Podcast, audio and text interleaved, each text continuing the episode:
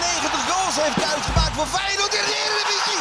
En dit is nummer 100. En wij weten onze plaats. Wij zitten misschien in, de, in het peloton. Voor dik en dun, verlies of win, Feyenoord till I die. Klaar. Feyenoord is kampioen, nu echt. Welkom bij de tweede aflevering van de Feyenoord Maatschappelijk Podcast. Na aflevering 1 zijn er heel veel eh, nieuwe dingen gebeurd, heel veel ontwikkelingen. Dus eh, we zijn allemaal weer eh, helemaal klaar om jullie eh, op de hoogte te houden van, van alle nieuwe informatie en insights. Maar voordat we dat weer, voordat we dat gaan bespreken, hebben we eindelijk in de studio live Arno, onze groepsgenoot. Vorige keer kon hij er niet bij zijn, maar hij is er nu toch echt bij. Arno, stel jezelf even voor. Nou ja, allereerst bedankt voor deze fantastische aankondiging. Mij, eh, mijn naam is Arno Willemsen. Helaas, eh, vorige keer kon ik er niet bij zijn. Maar eh, dit keer wel. En mijn functie in het project is marketing manager. En ik ben blij dat ik vandaag een deel kan uitmaken van deze podcast. Kijk, nou top dat je er bent Arno. super fijn en we gaan er een mooie podcast van maken. Ehm, ja, ik wil toch graag beginnen met, eh, ja, met, met wat er gewoon de eh, afgelopen twee weken is gebeurd. Eh, laten we beginnen met dat eigenlijk...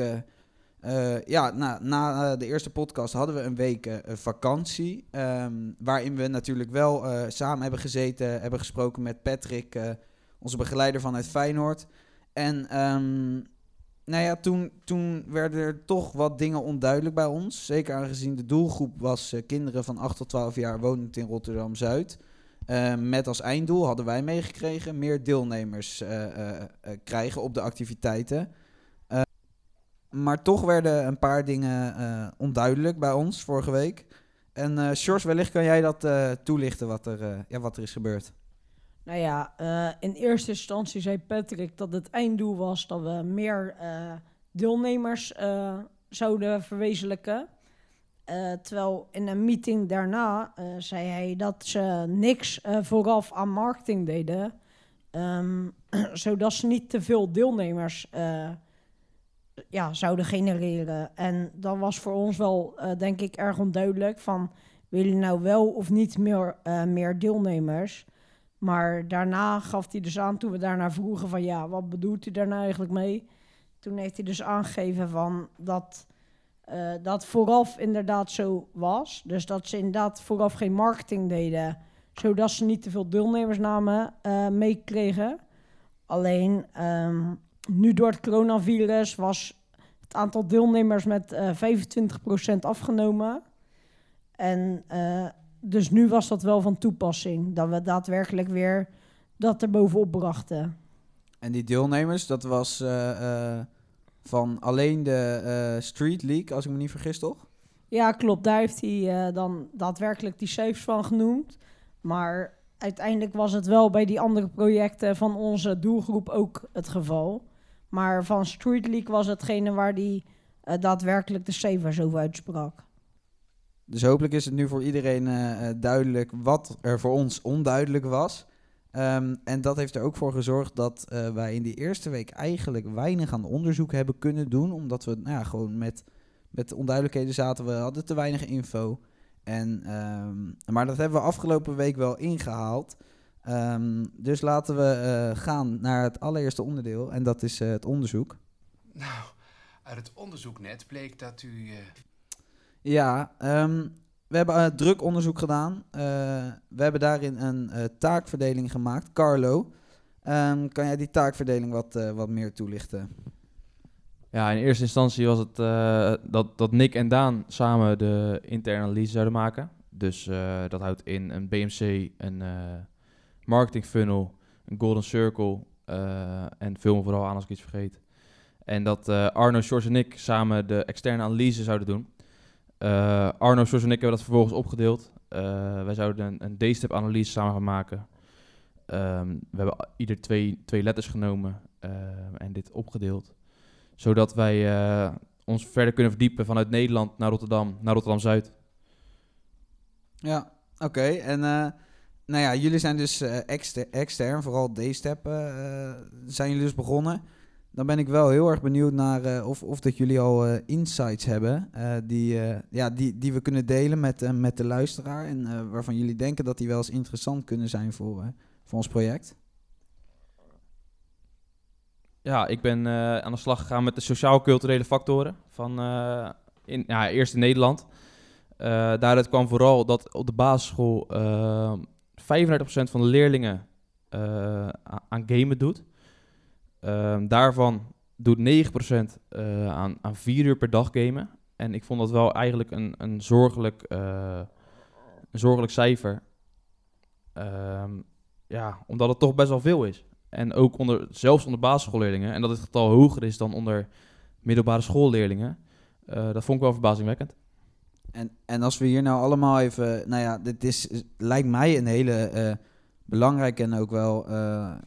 ja, een, een insight wat, wat best wel impact kan hebben op ons project. Ehm, maar even een vraag aan de andere groepsleden. Hoe, hoe zouden we dit kunnen gebruiken, deze insight, in het vervolg van ons project? Nou ja, ik denk dat je de laatste jaren dus inderdaad steeds meer ziet dat ja, gamen ontzettend populair is. En nou ja, goed, tien jaar geleden was dat eh, bij wijze van spreken heel anders. Eh, maar dat probeert, biedt voor Feyenoord wel kans om dat ook op te lossen. Die hebben een hele eh e-sports tak die je aan de maatschappelijke kant gewoon heel goed zou kunnen inzetten om die jongeren die veel gamen juist met hun idolen te verbinden. En daar juist eh, samen met gamen en sporten te gaan combineren. Waardoor ze toch ook in beweging blijven, sociale eh, sociale contacten opdoen. En dat je in die zin als Feyenoord dat probleem misschien wel eh, zou kunnen oplossen. Dus je zegt eigenlijk nieuwe activiteiten organiseren. Ja, zo is. Ik bedoel, je kan het natuurlijk eh, gamen en eh, voetbal zou je natuurlijk supergoed kunnen combineren. Bij wijze van spreken zou je eerst een, eh, dan denk je al in een oplossing, dat is natuurlijk niet de bedoeling, maar je zou een FIFA-toernooi kunnen organiseren en daarna een potje kunnen gaan voetballen.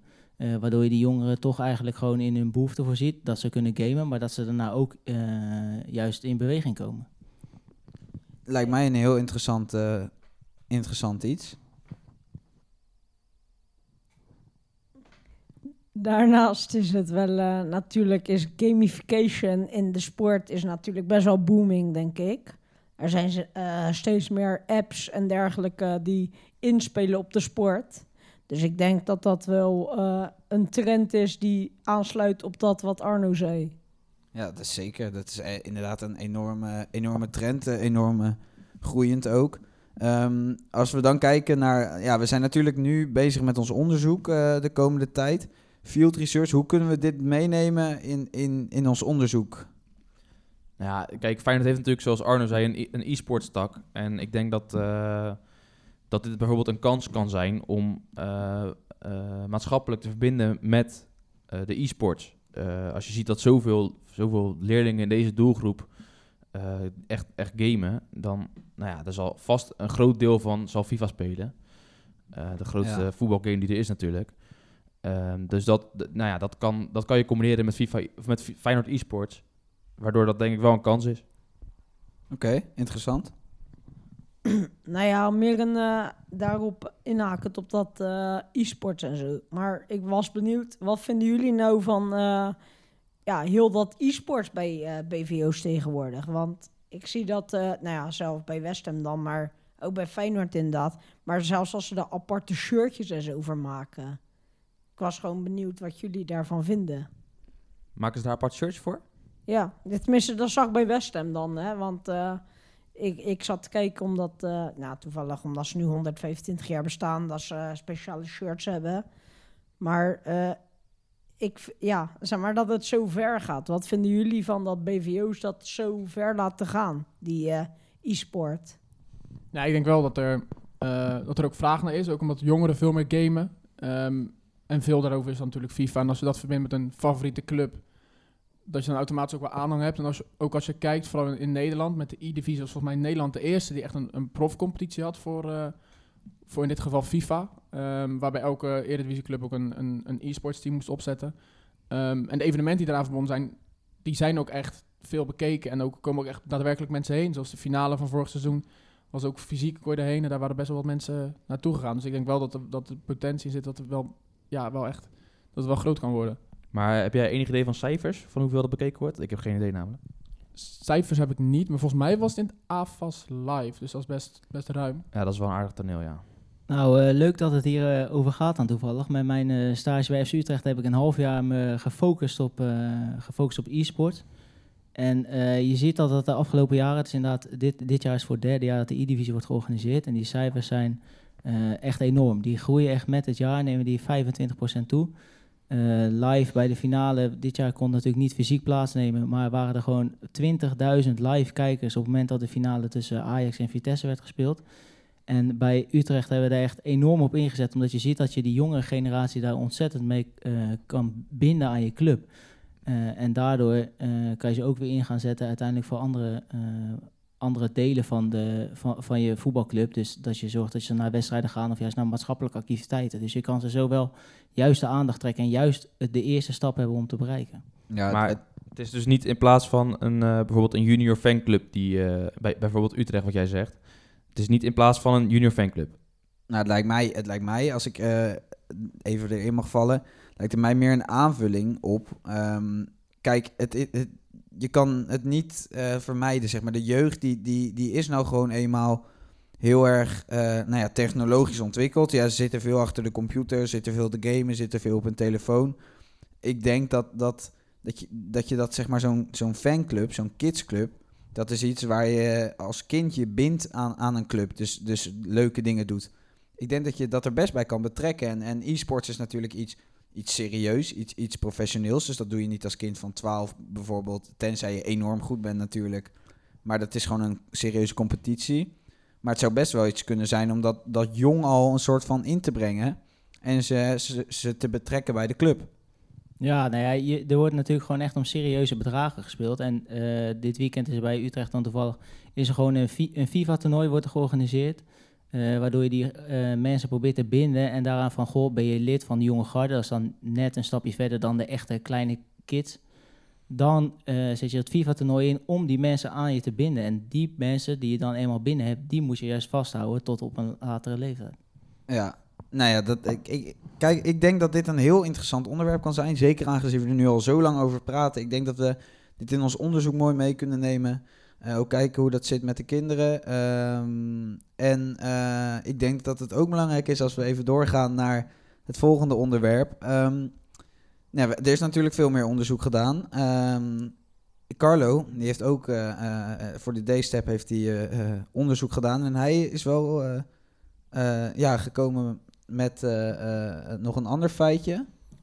Ja, ik benoemde natuurlijk het, het gamen in, in Nederland. Maar het viel mij ook op dat, eh, nou ja, het is niet per se onze doelgroep, maar het aantal eh laag opgeleiden in Nederland is een, echt enorm gezakt de, de afgelopen jaar. Of de afgelopen jaren. Ehm, en dat vond ik wel een opvallende trend, want dat is natuurlijk allemaal begonnen bij hun opvoeding, bij hun jaar op de basisschool.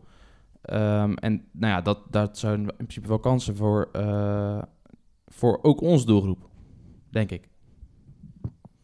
Dus als ik het goed begrijp, zijn ze dus nu hoger opgeleid. Of zie ik dat nu verkeerd? Er zijn minder laag opgeleiden, ja. Daar ja, komt neer. precies. Ja.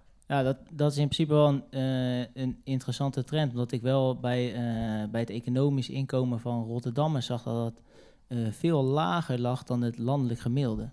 En dat is in die zin voor ons interessant dat het kan voor onze potentiële doelgroep betekenen van hey, die jongeren die niet sporten, die kan je met wijksport bijvoorbeeld heel goed bereiken, want dat is gratis, dat is heel laagdrempelig.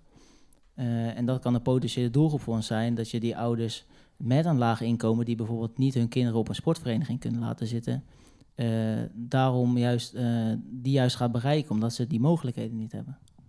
Ja, dat lijkt mij ook. En, en ik denk dat het dan belangrijk is, wat, wat jij zegt, het bereiken van die ouders.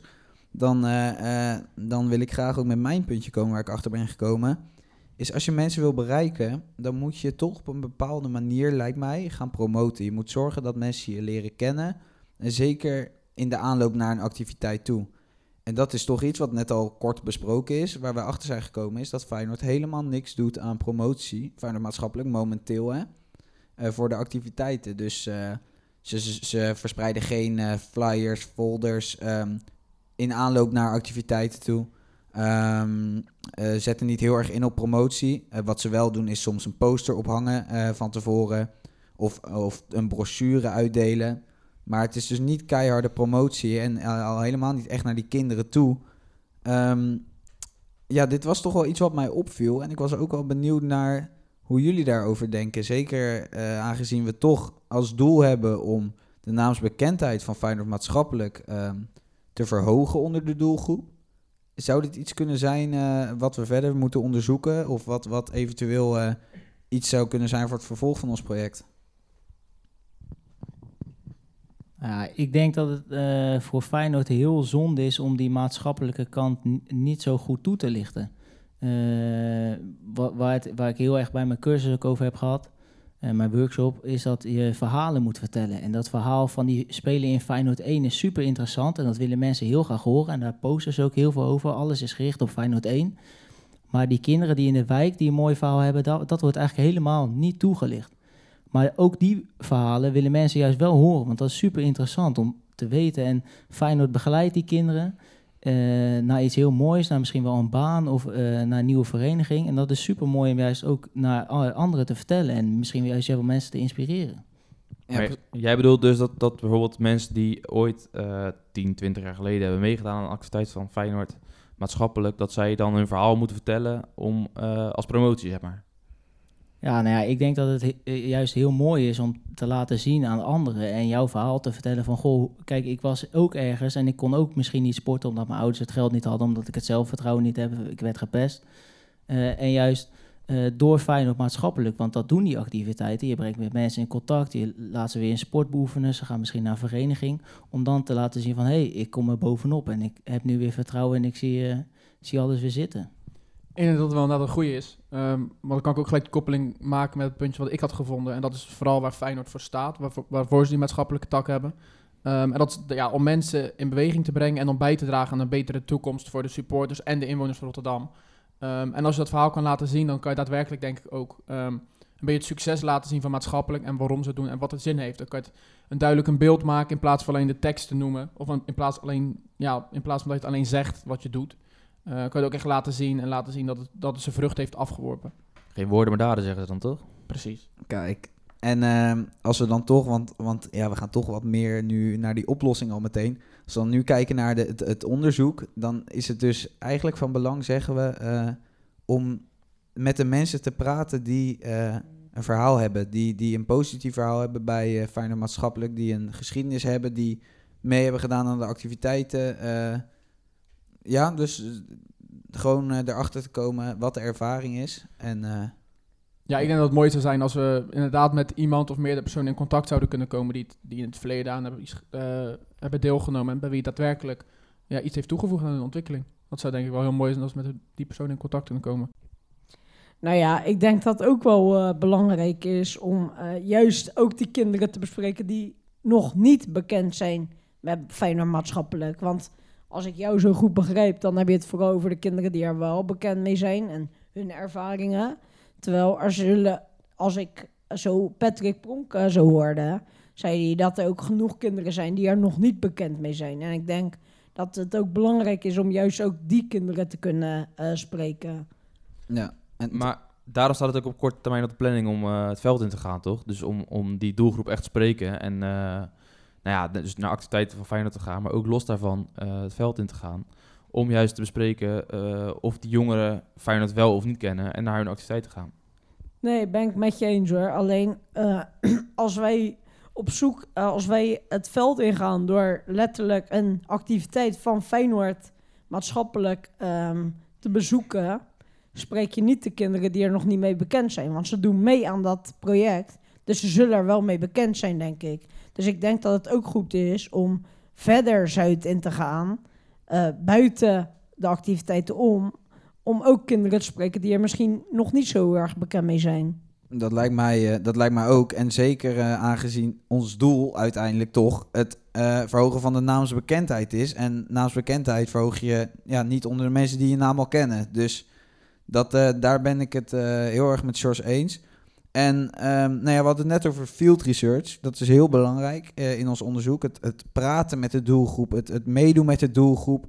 Ehm, ja, er- staat al iets op de planning. Eh, Daan, eh, wat, wat gaan we doen? Oh, volgende week woensdag ehm, hebben we met Patrick Pronk afgesproken om inderdaad in de evenementen bij te wonen. Dat is van 9 tot 12 in de ochtend. Ehm, is Zuid voor Zuid. Eh, dat zijn MBO niveau 1 en 2 studenten. ehm, die dan bij Feyenoord hun, stageuren kunnen, ehm, ja, kunnen doen.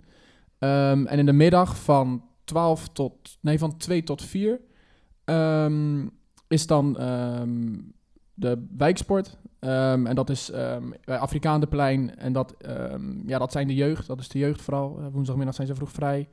En dan gaan ze daar lekker sporten. En eh, daar gaan we meekijken in twee groepen. Nou, ik denk, ik denk dat we daar eh, best wel veel eh, uit kunnen halen. Zeker ook qua observatie. Hè? Kijken hoe het daar gaat. Maar uiteindelijk is het natuurlijk belangrijk om zoveel mogelijk kinderen te, te spreken qua doelgroep. Ehm, en nou ja, waar we het net over hadden, is dus kinderen die meedoen, maar ook kinderen die niet meedoen. Hoe, hoe kunnen we dat het beste aanpakken? Hebben jullie daar een idee over? Ik denk gewoon, gewoon de straat op. Ik denk dat we gewoon het best Zuidend moeten. Ehm, ja, in Zuid heb je, je hebt zat sportpleintjes, je hebt voetbalpleintjes. Ehm, maar ja, dat zijn wel mensen die dan al sporten. Dus dat is ook wel weer lastig. Want je moet ook in principe, ik denk ook dat Feyenoord mensen wil bereiken die niet sporten. Die ze juist aan het sporten willen krijgen. Ehm, en ik denk, die mensen die niet sporten zijn niet, misschien niet heel veel op de straat te vinden. Misschien wat meer binnen. Dus we moeten ook kijken hoe we die kunnen bereiken. Maar ik denk in ieder geval dat het ook wel, wel echt zin heeft om daadwerkelijk de straat op te gaan. En gewoon mensen aan te spreken. Ehm, vooral de jongeren dan, die binnen onze doelgroep vallen. Eh, om te kijken of ze ervan weten. En of ze ervan weten hoe ze het ervaren misschien. En eh, gewoon even de- aan de tand voelen. Het lastige is alleen dat je eh, bijvoorbeeld de jongeren die niet sporten, die komen in principe natuurlijk ook weinig buiten. Eh, dus het is wel lastig om, om die jongeren juist eh, te spreken. Want over het algemeen, eh, volgens mij, ik heb het eerlijk gezegd niet onderzocht nog hoor, maar volgens mij is eh, obesitas ook een opkomende trend juist onder basisschoolleerlingen. Ehm, maar ja, die, dat zijn in principe jongeren die weinig buiten komen. En ja, hoe ga je die dan spreken precies? Dan moet je toch eigenlijk echt naar scholen toe. Maar ik denk dat dat nog wel een hoge drempel kan zijn. Ja, ik denk dat je, eh, nou ja, goed, je noemt het die jongeren die gamen, die zou je misschien bijvoorbeeld, die volgen misschien wel juist weer e-sports, die zou je zo kunnen bereiken. Ik noemde vanuit mijn, eh, van trend die ik zag, nou, met dat lage inkomen, dan zou je toch echt naar instanties moeten gaan zoeken eh, waar zulke soort ouders eh, zijn aangemeld, die weinig hebben. Wellicht noem je een, een, voedselbank waar ze hun, eh, waar ze dingen halen, omdat ze het gewoon niet kunnen betalen. Op die manier zul je dus moeten gaan zoeken om die ouders te gaan spreken, denk ik. Ja, je zal ze toch hoe dan ook moeten benaderen, denk ik. En ja, misschien dat dan via dat soort instanties wel weer de privacy wat hoger is. Of dat, dat je ouderen wel weer wat, of ouders wel weer wat anoniemer willen blijven. Maar ja, dat is misschien wel een optie inderdaad. Nou, dan lijkt het mij. eh, eh, nou, dan, dan, dan staan in ieder geval twee eh, drukke weken voor de boeg. Eh, volgende week woensdag gaan we dus beginnen. En eh, op de planning staat dat we dinsdag het eh, desk research eigenlijk af hebben. Ehm, dus eh, eh, hopelijk zijn, eh, zijn we er allemaal klaar voor. Hebben we allemaal genoeg energie en eh, eh, gaan we dat goed doen. Even beuken. Precies. Knallen. nou ja, ja wat, wat je het ook maar wil noemen. Maar eh, eh, eh, ja, zorg maar dat het af is. Ehm, eh, naast onderzoek hebben we natuurlijk ook weer iets anders gedaan. En dat zijn namelijk de... Workshop, workshop, jij geeft die workshop, baby. Jij geeft die workshop, baby. Jij geeft die workshop, baby. 1, 2, 3, 4, 5, workshop, baby. Ja, ook nu hebben we weer workshops gedaan. Ehm, en eh, wat leuk is, is dat we andere workshops hebben gedaan dan vorige keer. Eh, iedereen die, eh, ja, iedereen die is ingedeeld, heeft zich aangemeld voor een, voor een nieuwe workshop met een nieuw onderwerp. En daarmee ook nieuwe bruikbare informatie voor ons project. Ehm, ja, Arno, wil jij beginnen? Wat, wat heb je geleerd? Ja, welke workshop heb je gevolgd? Nou ja, goed, we zijn natuurlijk eh, net pas eh, de eerste week begonnen met eh, de workshop, shops, sorry. En ik heb de workshop marketingbudget ben ik aan het volgen. En in de eerste week hebben we eigenlijk heel erg gekeken naar hoe verdeel je nou een, bepaald budget voor een, voor een bepaald project. Nou ja, goed, wij hebben natuurlijk de zichtbaarheid van Feyenoord maatschappelijk ver- vergroten. En het zou maar eens heel goed kunnen dat wij later in het project gewoon een- een budget krijgen. Eh, en dus maar moeten zorgen dat hoe gaan we die boodschap eh, overbrengen en welke kanalen gaan we inzetten. En aan de hand van gestelde doelstellingen eh, wordt een bepaald budget bepaald van wat heb je nodig om die zichtbaarheid met 10% te vergroten. Ik noem maar iets op. En daar gaat deze workshop eigenlijk dieper op in. Nou, dat speelt eigenlijk heel goed in op de workshop die George en ik hebben gevolgd. Wij hebben namelijk SEO en SEA gevolgd. En dat zijn in principe, ja, dat zijn gewoon Google Ads. Of nou ja, zoekmachine ads. Eh, dus om, de, eh, om te zorgen dat je, dat je eerder gevonden wordt in zoekmachines. Eh, en dat is denk ik wel heel relevant in wat, wat Arno zoekt, of wat Arno gevolgd heeft. En dat, dat wij nou ja, daarin wel een aandeel kunnen hebben. Als in, wij kunnen natuurlijk betaalde ads, daar weten wij natuurlijk na deze workshop alles van. We hebben nog maar één week gevolgd. Maar daar weten wij natuurlijk na deze workshop alles van. En ik denk dat dat heel relevant kan zijn. Maar ehm, als we het dan hebben over een budget. We doen natuurlijk een project voor een, een maatschappelijk bedrijf. eh, wat over het algemeen, of bedrijf, ja, een maatschappelijke tak van Feyenoord dan. eh, wat over het algemeen eh, probeert om zo min mogelijk kosten te hebben. Ehm, omdat ja, de inschrijvingen zijn gratis. En eh, ehm, ja, dus, dus de- hoe, hoe, kunnen we zoiets inzetten? Hoe, hoe zouden we een budget kunnen aanvragen bij maatschappelijk? Nou ja, als je echt een, een budget wil, wil krijgen, dan moet je zorgen dat je echt de juiste, juiste doelen hebt. En daarmee ook kan aantonen van, nou goed, eh, als wij dit budget krijgen, dan kunnen wij dit ermee bereiken. En dat heeft deze voordelen eh, voor Feyenoord dan wel voor de Feyenoord-fans. eh, of noem maar op. Maar goed, niet alleen, het gaat niet alleen over budget, maar ook over, nou goed, welk kanaal zet je in om wie te bereiken. Elk social media heeft zo zijn eigen doelgroep. Nou, voor onze doelgroep is dat bijvoorbeeld TikTok. En hoe zorg je ervoor dat die juiste boodschap bij hun, eh, dat je die naar hun overbrengt. En daar geeft dit ook wel een verdiepend inzicht op. Is Feyenoord al actief op TikTok? Ja, het hoofdaccount van Feyenoord is op actief op TikTok. Eh Feyenoord maatschappelijk zelf niet, want ze willen natuurlijk communiceren onder één naam. En ik denk dat dat weer de problemen met zich meebrengt. Ehm, en zeker op TikTok ook. eh, daar plaats je gewoon de dingen op eh, van Feyenoord. eh, eh, zeg maar het, het, het team. Oh, trainingen, mooie goals. Dat zou nog best wel eens een probleem kunnen vormen als wij eh, TikTok willen in gaan zetten. Dus eh, ik ben benieuwd eh, hoe, hoe, we dat, hoe we dat gaan doen de komende periode. Wat wel een voordeel kan zijn, denk ik, is dat... Want TikTok is volgens mij, inderdaad wat Carlo zegt, hebben ze het wel. Maar volgens mij is het minder groot dan het Instagram-kanaal. Daar wordt er veel, veel meer mensen gevolgd. Ehm, dus ik denk misschien dat de kans bijvoorbeeld wel groter is dat we TikTok in mogen zetten. Dat we dat misschien eerder mogen doen dan het Instagram-kanaal. Ehm, plus het is waarschijnlijk gerichter dan, eh, dan het Instagram-kanaal. Dus dat zou wel handig zijn. Dus je, dus je zegt eigenlijk, eh, ja, Carlo was even op, op de TikTok van eh Feyenoord aan het kijken. Dus je zegt eigenlijk, we kapen gewoon met maatschappelijk, kapen we gewoon heel dat TikTok-account van Feyenoord. En dan plaatsen we daar gewoon al- alles op, alles op eh, van alle activiteiten. Nou, dat wil ik niet zo zeggen, maar misschien wel dat het ja, wel makkelijker is. Ik denk wel dat de volger Ja. op TikTok, dat daar bijvoorbeeld niet snel Harry van 55 op zit. Die, die volgt misschien wel de? Insta, maar ik denk niet de TikTok. Nee, nee nou, wellicht. Je weet het nooit. Eh, misschien heeft hij een jonge geest, maar... eh, nee, ja, Of een midlife crisis. dat kan ook.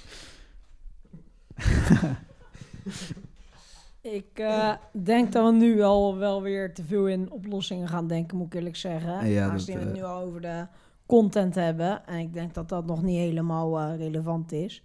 Maar ehm, nou ja, ik volgde dezelfde workshop als Carlo met SEO en SEA. En ehm, ja, persoonlijk, ja, we hebben één echte les gehad. Hè, want de eerste les was vooral een kennismaking. Dus daar hebben we nog niet heel veel informatie uit gehad.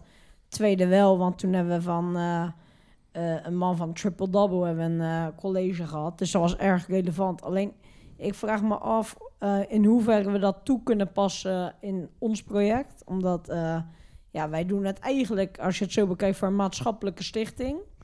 En ik vraag me af in hoeverre je SEO, SEA zou toepassen op een maatschappelijke stichting. Kijk, want ik denk, de zoekterm Feyenoord, dat is duidelijk. Ik denk dat Feyenoord een grote Ja. naam is. Alleen, ik vraag me dus af hoeveel mensen er gaan zoeken op dingen als het maatschappelijke van Feyenoord. ehm, de activiteiten die ze maatschappelijk doen enzovoort. Ik, en ik weet ook niet in hoeverre een maatschappelijke stichting daar gebruik moet, eh, moet van maken. Dus ik was ja, benieuwd hoe, ja, zeker Carlo daarover dacht, maar ook jullie. Eh, ja, dus ik was benieuwd hoe jullie daarover dachten. Nou ja, naast punten is het, ja, dat klopt inderdaad. Maar daarnaast is het ook nog best wel, eh, ja, relatief duur in ieder geval. Je betaalt eh, per klik van een bezoeker.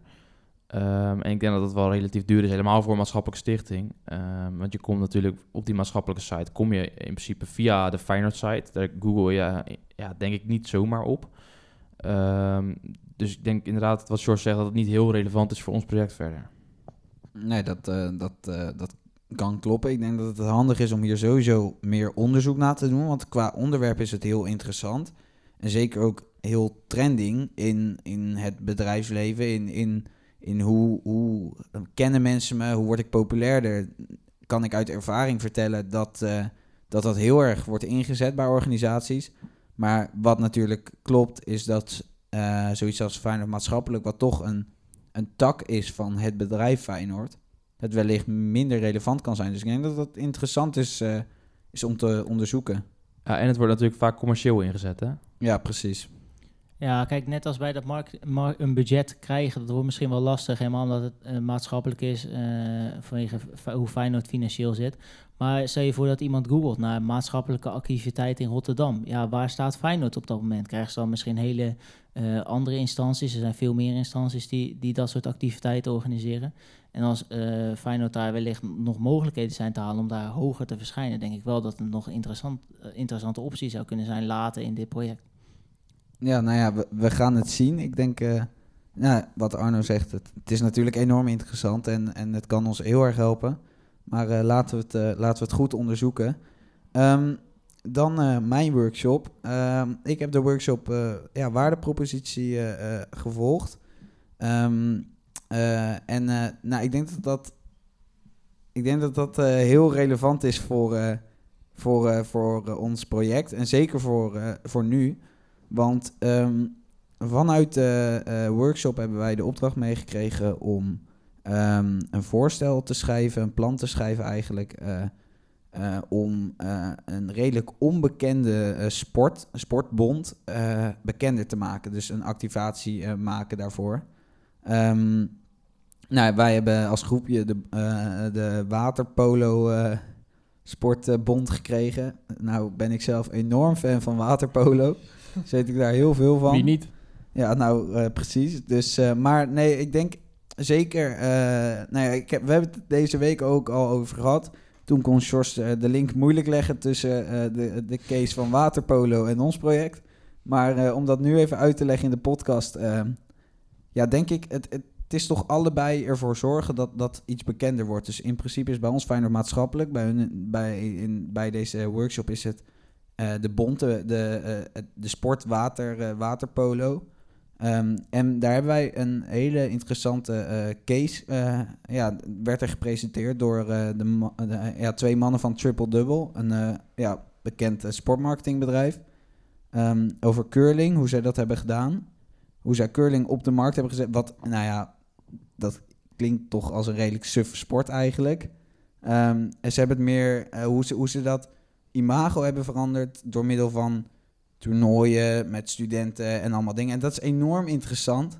En ik denk dat we daar zeker dingen uit kunnen halen voor ons, eh, voor ons eh, project. Uiteindelijk gaat het dus eh, om zoveel mogelijk mensen bereiken. En als er een manier is waarmee je zoveel mogelijk mensen kan bereiken, dan is dat wel ja, guerrilla marketing. En dat is precies waar Daan het met zijn workshop over heeft gehad. Dus brand alsjeblieft los, Daan. Nou, ik denk ook wel dat, eh, dat mijn, mijn eh, workshop wel goed aansluit op wat Arno net zei over, eh, over zijn marketing. Dat als we een budget krijgen, dat we natuurlijk moeten onderzoeken hoe we dat gaan doen. Maar het, voordeel van guerrilla marketing, wat ook vaak naar voren kwam, was dat het ehm, vaak gewoon low budget is. Je hebt vaak niet veel, niet veel geld voor nodig. Je kan het vaak soms zonder kosten, maar soms met weinig kosten kan je, kan je iets doen wat toch veel naamsbekendheid genereert. Eh, wat in principe de, ja, het doel is van, eh, van onze finals, om het toch weer op de kaart te zetten. Ehm, maar, maar die naamsbekendheid is meestal wel door of een ludieke actie, maar kan ook vaak zijn door net de grenzen op te zoeken. Ehm, maar de vraag is dan wel weer, moeten we de grenzen opzoeken als we iets namelijk een, namens een maatschappelijke tak doen? Dat denk ik zelf van niet, maar ik ben wel benieuwd wat jullie daarover denken. Ehm, maar het kan ook natuurlijk op een ludieke manier of op een goede manier juist zijn dat we eh, op straat iets, ja, ik moet niet een oplossing nemen, maar het kan ook op een goede manier ehm, dat je iets doet wat toch heel veel naamsbekendheid gaat genereren. Eh, dus om toch met een laag budget te doen. Ja, het ligt er wel echt heel erg aan welke grens je opzoekt, denk ik. Want als, jij, als jij een grens opzoekt van eh, wat nu echt relevant is in de, in de maatschappij en wat echt gevoelig ligt nu, dan denk ik dat je dat niet moet doen. Maar grenzen opzoeken eh, op een ludieke manier, dat, ik denk dat dat wel zou, zou moeten kunnen. Dat, trekt juist, dat, dat is juist interessant, denk ik. De grens opzoeken is iets wat mensen graag zien. En als je dat kan doen op een ludieke manier en op een manier waarop je, waarop je niemand iets kwaad doet, zeg maar. Denk ik dat het juist goed kan zijn om, om, om zoveel mogelijk mensen te bereiken. Dat is denk ik wel belangrijk inderdaad wat je zegt. Het, het moet niet zijn dat we iets gaan doen eh, voor de naamsbekendheid... dat we daardoor Feyenoord in een verkeerd daglicht kunnen zetten. Het moet in principe wel Nee, zijn precies. dat niemand er verkeerd uit kan komen. Maar ehm, tenminste, als ik het goed begrepen heb van de vorige. eh, tenminste, we hebben natuurlijk ook wel eens guri- zo guerrilla marketing ehm, behandeld met onze lessen. In jaar twee. Ik heb altijd begrepen dat. Zo, jezus. Guerrilla marketing. Ja, ja. Dat, ehm, dat dat altijd een soort gedaan wordt wanneer er een grote groep mensen samen is, een soort. Alleen is dat nu met de tijd meegaand als, het, ja, als er niet meer heel vaak veel mensen samen zijn door het gevolgen van coronavirus en zo. Ik vraag me af, is dat dan heel relevant in deze tijd dan? Nou ja, wat het is met guerrilla marketing, je hoeft niet altijd met eh, grote mensen groep mensen te zijn. Ik denk een bekend voorbeeld is natuurlijk die eh, met die Bavaria jurk tijdens WK. Dat is inderdaad wel met een grote groep mensen. Ehm, maar bijvoorbeeld ook ehm, in New York was dat, ehm, of nee, in Amsterdam, sorry, dat op een, eh, op een zebrapad met ribbeltjes ehm, Durex een soort sticker op had geplakt. Op het zebrapad. Dat valt op, dat zie je. Mag in principe niet, je mag niet zomaar op straat overal wat plakken. Eh, maar mensen zien het wel en zo krijg je toch dat mensen denken van... hé, hey, ze hebben dit en dat gaat toch over een product. Ehm, en zo kan je ook bijvoorbeeld stil iets doen. Bijvoorbeeld echt iets plakken op straat, wat laten zien... Wat, waar geen mensen bij betrokken hoeven te zijn... maar waar mensen wel langslopen en het gewoon zien. Dus er hoeven niet altijd grote groepen bij eh, betrokken te zijn. Zonder in oplossingen te denken hoor. Maar bijvoorbeeld een, een Feyenoord logo plakken over de kruifkoord, of de middenstip van de kruifkoord, zeg maar, bijvoorbeeld. Of? Maar ja, je zit natuurlijk wel op eh Feyenoord maatschappelijk, hè? En, en het is, wat willen we bekendmaken? Hè? Feyenoord is bekend.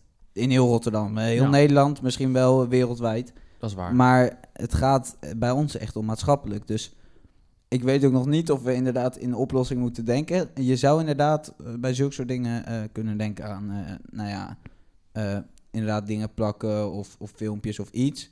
Maar inderdaad wel blijven bij dat Feyenoord maatschappelijk. Ik denk dat het eerst gewoon belangrijk is dat we goed onderzoek doen. Juist. En dan uiteindelijk daaruit kijken wat het, wat het probleem is. Daar een oplossing voor gaan zoeken. Dan pas op dat moment. En als dat via guerrilla marketing is, dan is dat zo. En als dat niet zo is, dan is dat niet zo. Denk ik. En eh, ja, over onderzoek gesproken. Wie, eh, wie ook weer onderzoek heeft gedaan.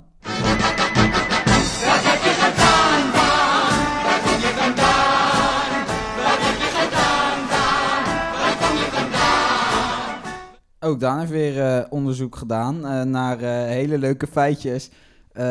Ja, wij zijn allemaal heel benieuwd, Daan. Nou, ehm, zoals net besproken hebben we woensdag ehm, gaan we naar, eh, naar Rotterdam-Zuid, naar een paar activiteiten van, Feyenoord Maatschappelijk. Ehm, nou, dat vindt, bij, dat vindt plaats bij het Afrikaanderplein in het verzamelgebouw wat ze daar hebben. Nou, het leuke feitje daarbij is dat het verzamelgebouw het Klooster, hoe dat heet, op de plek is waar Feyenoord in 1908 eh, zijn eerste wedstrijd speelde. En dat is nu dus, daar vindt zich nu het clubhuis. Bedankt voor je feitje. Nee, ik denk eh, serieus wel. ja, Ik denk dat wel leuk is om te zien. leuk iets, ja, zeker. En om te weten. En eh, als we het dan toch over de wedstrijden van Feyenoord hebben.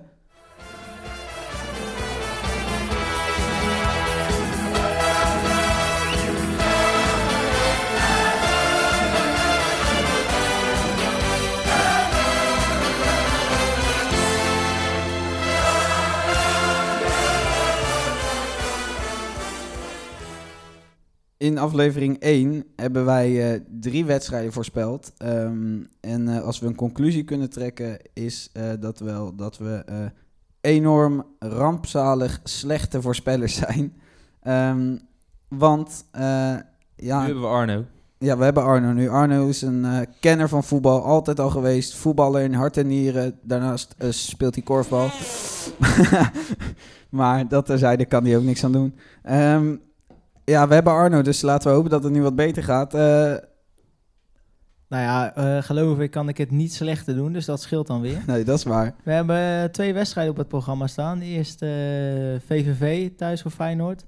Nou, dat gaat een eh 4-1 overwinning worden. Feyenoord herstelt zich daarvan een eh, paar, eh, paar matige weken. Daarna gaan ze op bezoek in Eindhoven. En ik vrees dat PSV te sterk is. Dus ik denk een, eh, dat dat een 2-1 overwinning wordt voor PSV. Ik denk eh, morgen VVV thuis. Zaterdag VVV thuis. Ik denk moeizaam 2-1. Dus geen, geen makkelijk potje nog met die eh, gekke Griek voorin daar bij VVV. Giacomakis. Giacomakis, ja. En eh, PSV uit, ja, die winnen we altijd eh, als Feyenoord zijn. Ja, die winnen we altijd. 1-3. Oké, oké, die schrijven we op. Ik denk dat eh Feyenoord bij VVV, eh, ja, weer de ploeg die niet heel hoog staat. Eh, een relatief kleine club, dat ze weer moeilijk gaan hebben. Ik denk dat Feyenoord daar 1-1 speelt. Ehm, of tegen VV 1-1 speelt. Eh, maar dat tegen PSV ook eh, winnen, 3-1. Ja, dan eh, zal ik maar weer met mijn eh, voetbalverstand eh inkomen vliegen. Twee keer gelijkspel. 2-2. Eerste wedstrijd. Twee goals van Giacomakis. En eh, Twee penalties zeker. nee, een omhaal en eh, een scorpion kick. Doe eens gek, zei je. En eh, nee, nee, nee. Maar als dat zo is, dan mogen jullie me allemaal een tientje geven. Eh, en eh, de tweede wedstrijd denk ik ook een gelijkspelletje. Ik denk een 1-1. Ik denk dat dat eh, ja, redelijk gelijk opgaat. Nou, ik denk ook dat Feyenoord VV gewoon een, een gelijk spelletje wordt. ik denk dat dat een 1-1 wordt. En dat Feyenoord uit bij PSV wel wint, omdat ja, PSV, te- ja, dat wordt altijd een overwinning voor Feyenoord. Ik denk dat dat een 1-3 wordt. Oké, nou, dit hebben we nu allemaal opgeschreven. Dus laten we hopen dat we dit keer eh, beter hebben dan de vorige keer. En eh, met Arno in ons midden dat we toch wat meer eh, verstand hebben. Feyenoord VVV is nog niet zo positief gestemd, hè? Moeten we nog maar zien. Nee, maar die- met die gekke Griek voorin en, en je weet het nooit. Hè? Ze hebben de halve finale van de, van de beker gehaald. Dat is waar. VVV, net zover als Feyenoord. En laten we het daar niet meer over hebben volgens mij, want dat lag vorige week ook. Of twee weken geleden maar, redelijk. ja, oké, ik zal stoppen. Ehm, nou, dan zijn we alweer aan het einde gekomen. Eh, laten we afsluiten met wat er nog op de planning staat. Nog even concreet samengevat wat we precies gaan doen. Eh, Daan, weet jij dat, eh, kan jij dat nog even vertellen voor ons? Nou, ik denk dat we eerst in het, gewoon ons uh, gaan verder gaan uitbreiden. Dat gaan afronden en dat inderdaad dan dinsdag, ehm, dus komende dinsdag, gewoon afgerond hebben. Zodat met elkaar bespreken, inlezen allemaal, dat we allemaal op de hoogte zijn van wat we hebben gevonden. en de insights met elkaar delen. Ehm, en dan gaan we woensdag lekker eh, field research doen. En dan aan de hand van wat daaruit komt, ook nog kijken wat we verder aanvullend qua field field research moeten doen. En dat dan eh, lekker gaan uitvoeren, dus gewoon doen. Gewoon doen. En analyseren. En analyseren. Ja, dat is, eh, dat is ook een hele belangrijke, Carlo. En eh, dat alles met het doel om uiteindelijk eh, over twee weken eh, te komen met ons reframed problem. Ehm, dus eh, ja, ik denk dat dat wel goed moet komen. En eh, hiermee zijn we toch aan het einde gekomen van de tweede aflevering. Eh, ja, een, een, een leuke aflevering. Het ging eh, goed. Het ging vloeiend. En ik denk dat we alles besproken hebben. Dus bedankt voor het luisteren. En tot de volgende keer.